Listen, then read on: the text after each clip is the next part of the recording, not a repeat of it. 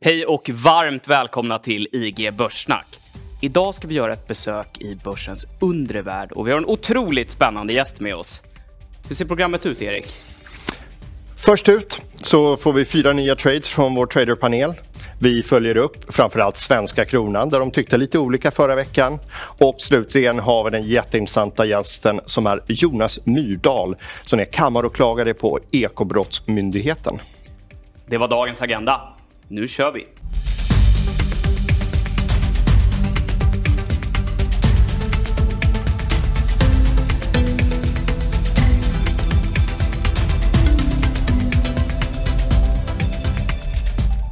Det här är programmet där vi pratar om börsen och allt som rör de finansiella marknaderna. Vi spelar in dagens avsnitt tisdagen den 26 september.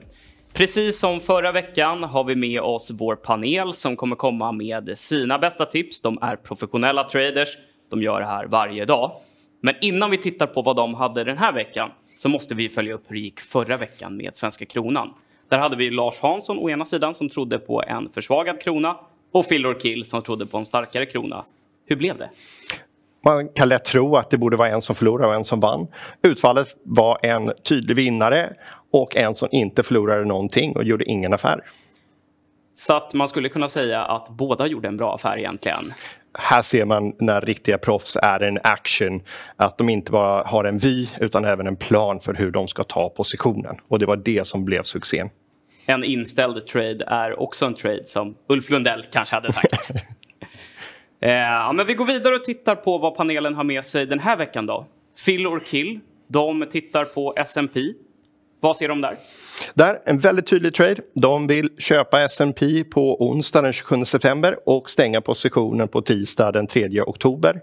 De eh, har sett en kraftigt fallande sentiment de vill gå emot. De gillar S&P för att det är kvalitetsaktier eh, och när de tittar i grafen så är det ganska bra nivåer att göra den här traden på. Erik Hansén då, han tittar ju på trendande aktier, en slags momentum-trade kan man säga. Ja, och här ska vi komma ihåg, vi berättar inte för de här i panelen vad de gör för affärer utan alla väljer det själva. Men här är det ganska likt. Hansén håller på att göra mycket läxor den här veckan. Han letar efter bra aktiecase. Han ser hur aktievärlden, aktiemarknaderna håller på att falla. Men i det här så vill han hitta aktier i en stigande trend och satsa på dem. Lars Hansson då, han tittar ju på guldet och på lite längre sikt. Vad ser han där? Där tekniskt ser han en triangelformation när topparna blir lägre och lägre, bottnarna blir högre och högre. Det brukar leda till en stor explosion upp eller ner. Speciella här är att han bara vill köpa om det går upp, inte sälja om det går ner. Spännande. Mikrit, han var ju här förra veckan och förgyllde vår närvaro i studion. Även han tittar på guld. Ja, eh, och där tittar han på en range trade, alltså att han vill köpa om kursen kommer ner till stödnivåer, de ligger runt 18,90 och sälja när den kommer upp mot motstånd närmast 19,40. Mycket guld den här veckan och det kommer bli lite mer av den varan nu när vi ska in i en market update. Men först då, vi fick ju besked från Sveriges riksbank om att man höjer räntan med 25 punkter. Och eh, det här då trots att inflationstakten föll tillbaka lite mer än man hade väntat sig i augusti. Vad betyder det här för den svenska kronan? Ja, låt oss titta på reaktionen i marknaden.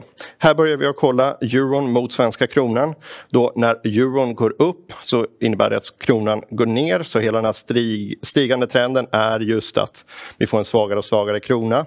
Eh, jag tycker vi zoomar in här på de sista två, tre månaderna över sommaren vad som har hänt i kronan. Eh, och då ser vi att vi har haft en range i kronan. 11.45 upp till 11.60, 11.60 upp till 11.75 och nu under sommaren har vi handlat 11.75 upp mot 12 kronor. Och några dagar efter, nu i början på den här veckan, så ser vi att kronan börjar få eh, styrkemomentum och det är det här brottet vi ser här nere där vi kommer under 11.75 så det är väldigt spännande tider nu. Och när vi ändå är inne på kronan och har grafen här framför oss. Skulle du kunna ta sig igenom vad det var Lars Hansson och Phil Kill såg förra veckan? Ja, här var det spännande. Så vi var runt här början på veckan i toppen av den här rangen. Eh, 11,75 upp till, mot 12 kronor. Lars Hansson sa om vi går över 12, om vi bryter för en starkare euro, går upp här över 12.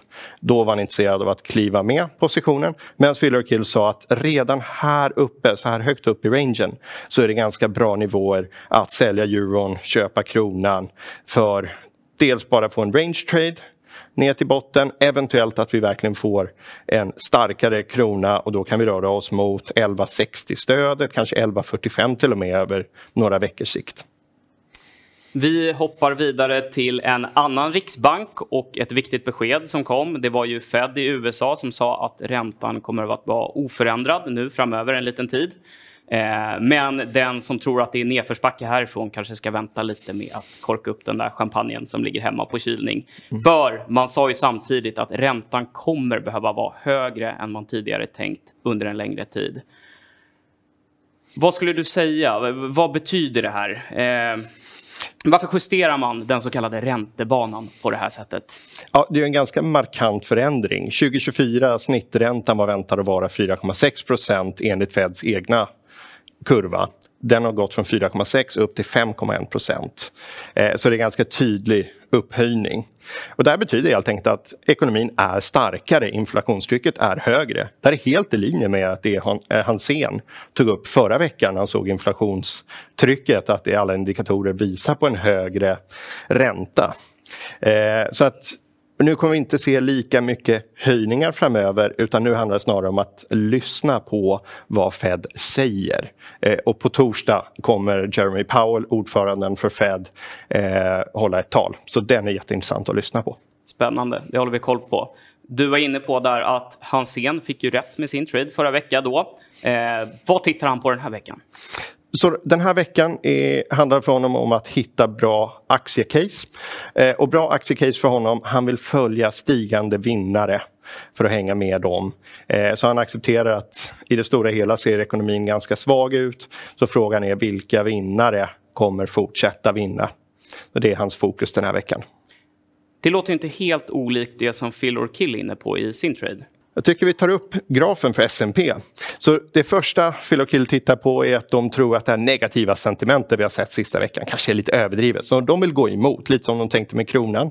Vi har sett här hur aktieindex har fallit. Det är då dagliga staplar cirka ett år tillbaka, sex månader tillbaka för S&P.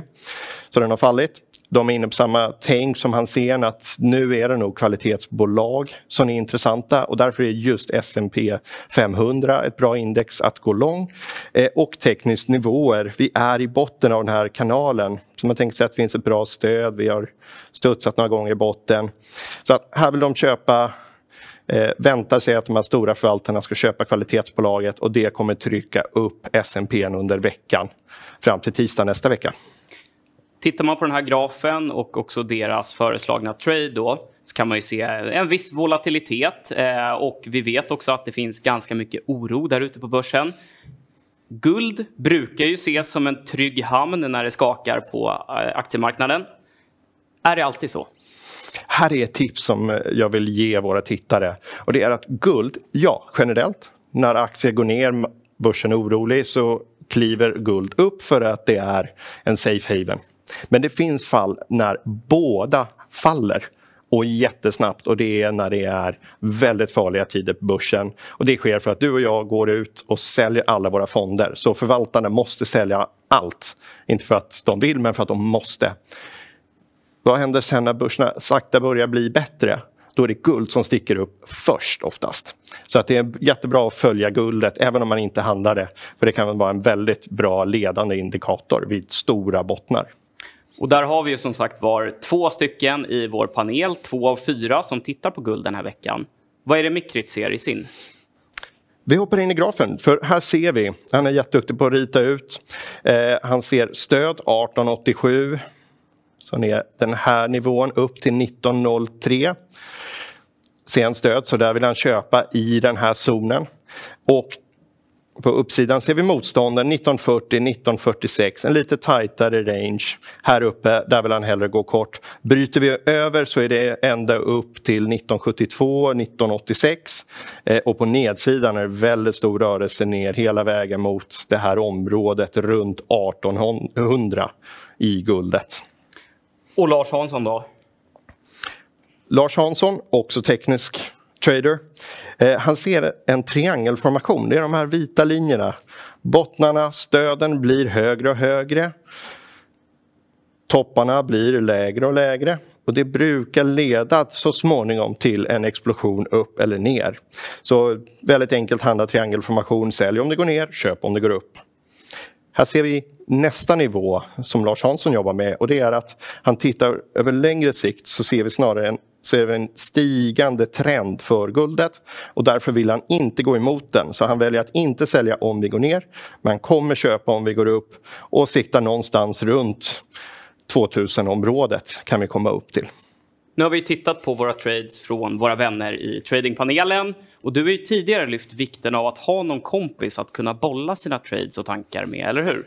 Ja, och det här är ett stort tips och något jag lärt mig av många traders. De berättar om sina trades för varandra för då måste de tänka lite, lite mera. Och det här är faktiskt intressant med panelen. Varför går de ut publikt och pratar om sina trades? Och det kan jag säga att jag har känt alla i panelen i många år och de gör det för att när de berättar i de här stora medierna och forumen där de är om en trade så tänker de efter tre och fyra gånger innan de gör det, innan de berättar om traden. Så de blir bättre på att göra sina trades för de tänker efter mer. Har man inte ett sånt forum så kan man också bara berätta för sin partner till exempel. Den behöver inte vara intresserad av börsen. Men bara att man har någon som man har berättat för och är ansvarig för så hjälper det jättemycket. Eh, och jag har en video just om tradingkompisar på min Twitter tillsammans med en massa andra tips från duktiga traders. Då har det blivit dags att hälsa en otroligt spännande gäst välkommen. Jonas Myrdal, du är åklagare på Ekobrottsmyndigheten. Du är eh, författare och du är expert på aktiefusk. Varmt välkommen hit. Tackar, tackar. Låt oss börja med fem snabba frågor. OMX, right. är den högre eller lägre om sex månader? Ja, den är högre. Den är högre? Ja. Och vem ser du upp till inom finans och bankvärlden? Ja, det är egentligen inte mitt absoluta hemmaområde men, men jag tycker, jag gillar företagsledare som är engagerade i, i uh, politik i allmänhet. Ja, Christer Gardell gör ju lite utspel ibland och Sven Hagström, det tycker jag är bra. Och sen så gillar jag, eh, finns det några journalister som är väldigt duktiga. Per Agerman eh, är faktiskt väldigt duktig grävande journalist på det här området. Och du som åklagare, vad är din bästa egenskap som åklagare? Ja, men jag är nog ganska envis och uthållig och engagerad, tror jag. Och vad är din att, sämsta egenskap som åklagare? Ja, kanske lite för bråttom ibland och kan, kanske lite för detaljerad också ibland. så kan det bli. Ja. Och vad har du för dold talang? Ja, hyggligt bra bollsinne skulle jag nog säga. Någon speciell ja. bollsport? Ja, tennis och fotboll är mina favoriter. Okej, okay, ja. ja. och väldigt olika. En racketsport ja, och en ja, vanlig bollsport. Ja, precis. Ja, men härligt. Eh, du har ju skrivit flera böcker. Aktiefusk heter ju en av dem, eh, rent utav. Och Exakt. också den här nya, eh, Insiderinformation. Eh, om vi går tillbaka till lite grann vad du jobbar med på dagarna med EBM. Hur ser Precis. ditt uppdrag ut? Jag jobbar ju på en, en kammare som är väldigt specialiserad. Vi håller bara på med insiderbrott och marknadsmanipulationer. Så det är oerhört smalt. Och det är det enda vi jobbar med. Och vi är sex åklagare. Och eh, vi, vi, får in anmälningar från, från FI, ibland från privatpersoner. Och eh, då tittar vi på dem och gör en bedömning om vi tycker att det ser skumt ut, om det finns möjlighet att utreda. Och sen så eh, jobbar vi eh, ända fram till en fällande dom då, eh, förhoppningsvis. Så att, ehm, ja, det, det kan vara, eh, vi hämtar in material från marknadsplatser, vi gör sökningar på internet, vi håller förhör. Uh, vi har interna diskussioner om vad som är lagligt och inte och så vidare. Så att, uh, Ja, det är spännande jobb. Faktiskt. Det är verkligen spännande tider. Det är extremt mycket på gång. Kanske Nasdaq-fallet är det mest aktuella just nu. Kan du berätta lite, vad är det de är misstänkta för? Ja, jag kan inte säga mer än, än det som är offentligt redan och det är inte mitt mål heller. Men, men det som är offentligt är ju bestickande nog. Och, och det är ju så att en, en, en person som är anställd på marknadsövervakningen på Nasdaq är misstänkt för grovt insiderbrott. Och grovt insiderbrott det kan bara bestå av eh, två varianter. Antingen har man handlat själv eller också har man förmått någon annan att handla på insiderinformation. Och grovt brott, då rör det sig om mycket pengar. Så att det, är ju, det, är ju, det går ju knappt att beskriva hur allvarligt det är. Jag tänkte när jag cyklade hit hur jag skulle beskriva det. Det är nästan som påven skulle bli djävulsdyrkare eh, ungefär. Va? För att på en marknadsövervakning så sitter man ju i centrum av börshandeln och får förhandsinformation för, från bolagen. Om det är fråga om offentliga uppköp, som det tydligen är fråga om här och misstankarna berör, så får man ju den informationen i regel långt innan det här uppköpet blir aktuellt. börsen. Så det, är ju, det, det är fruktansvärt allvarligt. Och som du säger, det är väldigt allvarligt framförallt för förtroendet för börsen från oss privata investerare. Hur jobbar Ekobrottsmyndigheten för att återbygga det här förtroendet? Ja, egentligen är det inte främst eh, på vårt bord så att säga, utan det är egentligen det är börsen själv och det är Finansinspektionen som har tillsyn över börsen. Men det är klart att, att det drabbar oss också indirekt och det är klart att vi är intresserade av att, att eh, förtroendet ska upprätthållas. Så vi har väldigt täta kontakter med, med både FI och marknadsplatserna och vi pratar om såna här frågor. vilka trender ser vi nu i handeln? Eh, vilka brister ser vi, eventuella brister ser vi i utredningar? Hur ska vi gemensamt bli bättre på, på att stävja marknadsmissbruk och så vidare? Så, så att det, det, det ligger oss varmt om hjärtat att ha den dialogen. Om vi tittar på bolagen då. Du har ju skrivit mm. mycket om eh, deras plikt och hur de ska liksom befatta sig med insiderinformation, hur man ska delge marknaden det här. Just det. Hur bra upplever du att de är på det generellt? Ja, generellt sett så är väl eh, nivån eh, ganska hög och, och, och, rätt så bra. Men det är klart, vi, man ser ganska ofta ändå exempel på pressmeddelanden som, som, som, är oklara, otydliga och inte minst många gånger eh, håsande och, och alltför saltade och, och liksom, eh, eh för positivt utformade. Eh, och, och, det där tycker jag, det där måste marknadsplatserna bli bättre på och, och kanske vi från, från myndigheterna också. Jag, jag tror att det finns en, eh, eh, en liten förlegad syn på att ja, men informationsfrågor, det är en sak, det är en sak för börserna. Man tittar på, har man uttryckt sig tillräckligt konkret och precis? men man tänker inte på vilken effekt de, såna här pressmeddelanden kan få, nämligen att det påverkar kursen, omsättningen. Och gör det det, då är det ju en manipulation. Så att eh, det där är ett, det där är ett fokusområde som vi eh, jobbar mycket med nu på, på EBM och FI. Det låter ganska svårt att avgöra där. Ja, men har man tagit i för mycket? Har man överdrivit betydelsen av en affär? Hur, hur ska man kunna göra ja, det? det? Och det är klart att det är alltid svårt att göra den bedömningen. Men, men i vissa fall kan man, kan man ana och i vissa fall är det ganska uppenbart om man använder allt för mycket värdeord och, och, och, och, man, eh, man går ut med ett pressmeddelande och sen dagen efter så visar det sig att nej, men det där stämde inte och så måste man justera och så kommer en ny uppgift som inte alls är lika positiv och så vidare. Så att, så att eh, man kan ändå... Det, det, är tydligt att det faktiskt har blivit en försämring på den punkten eh, när det gäller stringens och tydlighet och, och, eh, så objektivitet egentligen i pressmeddelanden. Det finns för många exempel på, på, på glädjepressmeddelanden och håsande pressmeddelanden, inte minst från mindre bolag då, som, som har lite förhoppningskaraktär som, som man kanske förstår att kursen kommer sticka 50 om man om man kommer ut med någonting eh, som är, låter, låter bra och lovande. Och det kan ju ofta det kan ju handla om ja, jag kommer inte på några superbra exempel, men det kan ju vara man framställer förhoppningar och förväntningar och sånt där utan att ha något konkret och objektivt att peka på. Uh, och det, det, ska man inte göra i börsinformation. Man ska vara saklig, neutral eh, och ganska torr egentligen. Om man tittar på en annan företeelse som det har varit jättemycket prat om i medierna den senaste tiden, så kallad analytikermassage. Alltså att en utvald del av marknaden kanske får en kursdrivande information tidigare än resten av marknaden och framförallt privata investerare. Eh, hur ser man på det? Eh, finns det gråzoner eller är det rätt och slätt olagligt? Ja, det, man får göra en bedömning i varje enskilt fall. Men, men det finns några viktiga saker som man måste ha i bakhuvudet när man tänker på eh, analytikermassage, även eh, investeringsrekommendationer och så vidare. Att all information kan vara insiderinformation. Insiderinformation behöver inte, det behöver inte vara kopplat till informationsplikten i eh, noteringsavtalet. Eh, det behöver inte vara ett, ett, beslut från en myndighet. Det, kan vara i princip vad som helst.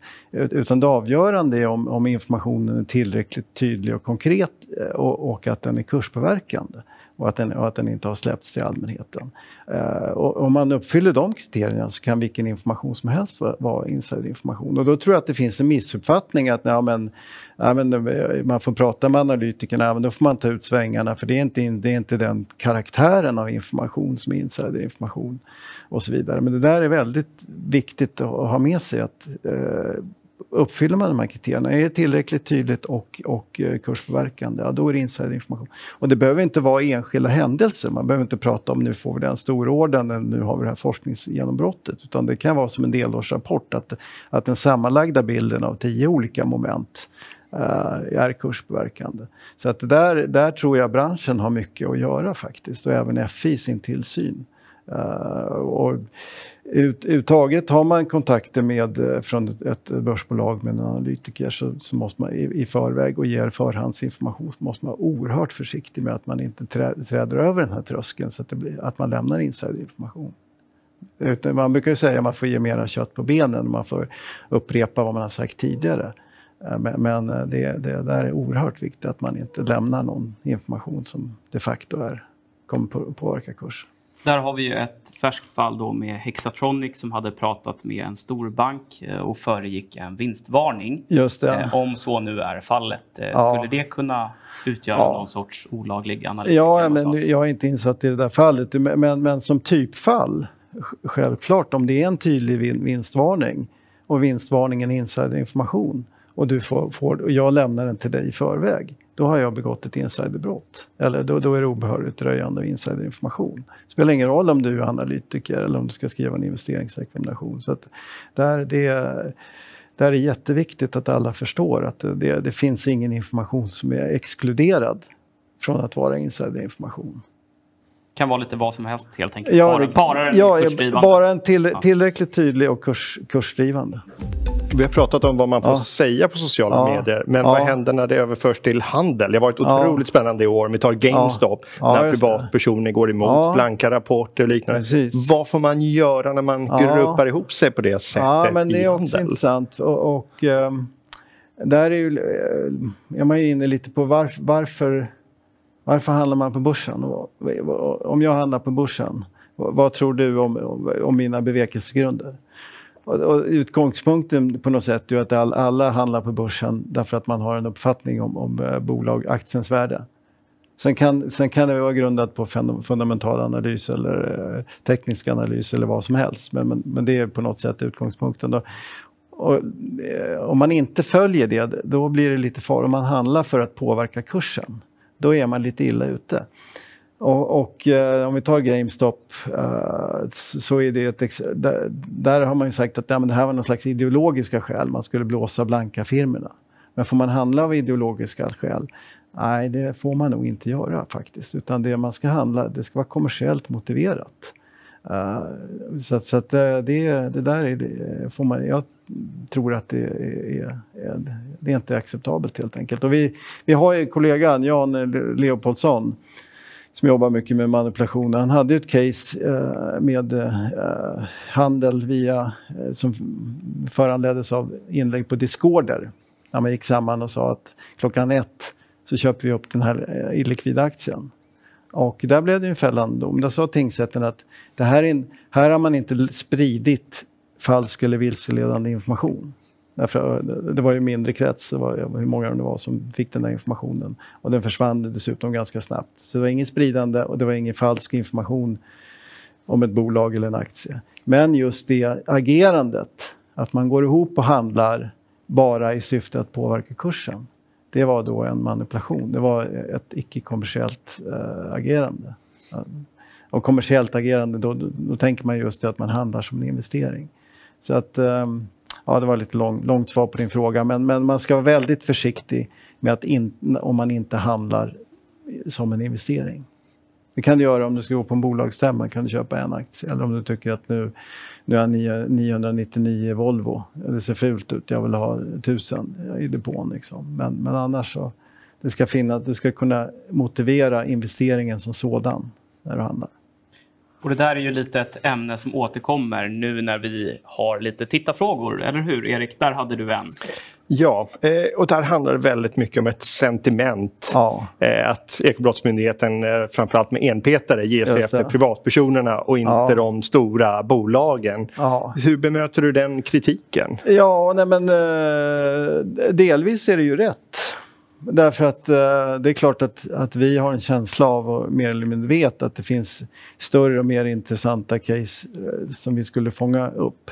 Men, men, vi på, på EBM, vi är ju väldigt beroende av anmälningarna från marknadens aktörer, från FI. Eh, vi, vi har bedriver ingen egen marknadsövervakning. I vissa fall kan man ju läsa något i DI som är alldeles uppenbart så kan vi inleda en förundersökning. Men annars måste vi få ett, ett underlag för att kunna börja jobba med ett fall. Uh, men, vi har en känsla av att det finns mycket mera och, och det har vi framfört också till FI och börserna. Så det ska, vill vi gärna se. Men å andra sidan så man kan jämföra med, med stölder. Uh, att, att ska vi, vi, vi, vet att det liksom begås stölder för miljonbelopp. Säg. Men ska vi därför tillåta snatteri? Nej, det ska vi inte göra. Utan det, det är likväl ett, ett, ett, ett, ett icke önskvärt beteende. Uh, som, och lurar man marknaden så, så har man begått ett brott. Så, så, vi kan ju stå upp, stå upp för, för att vi driver de där casen.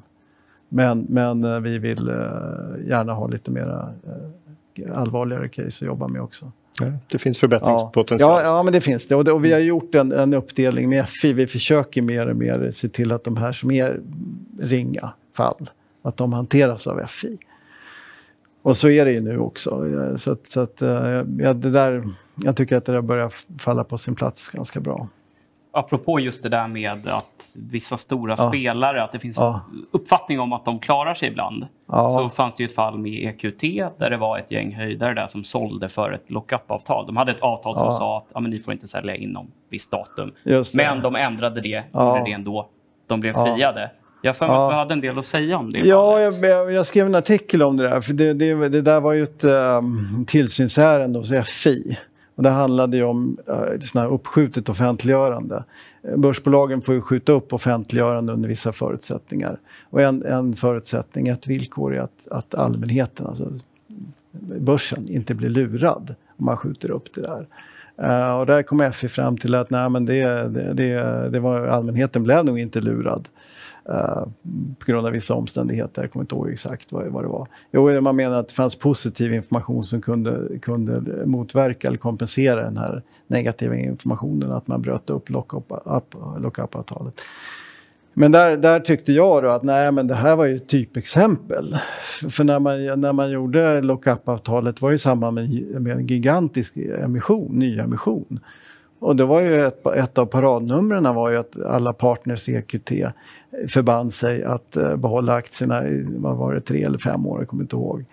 Uh, och där, det skrev man tydligt i prospektet på flera sidor. Så det var ju liksom ett argument för småsparare att gå in och satsa pengar.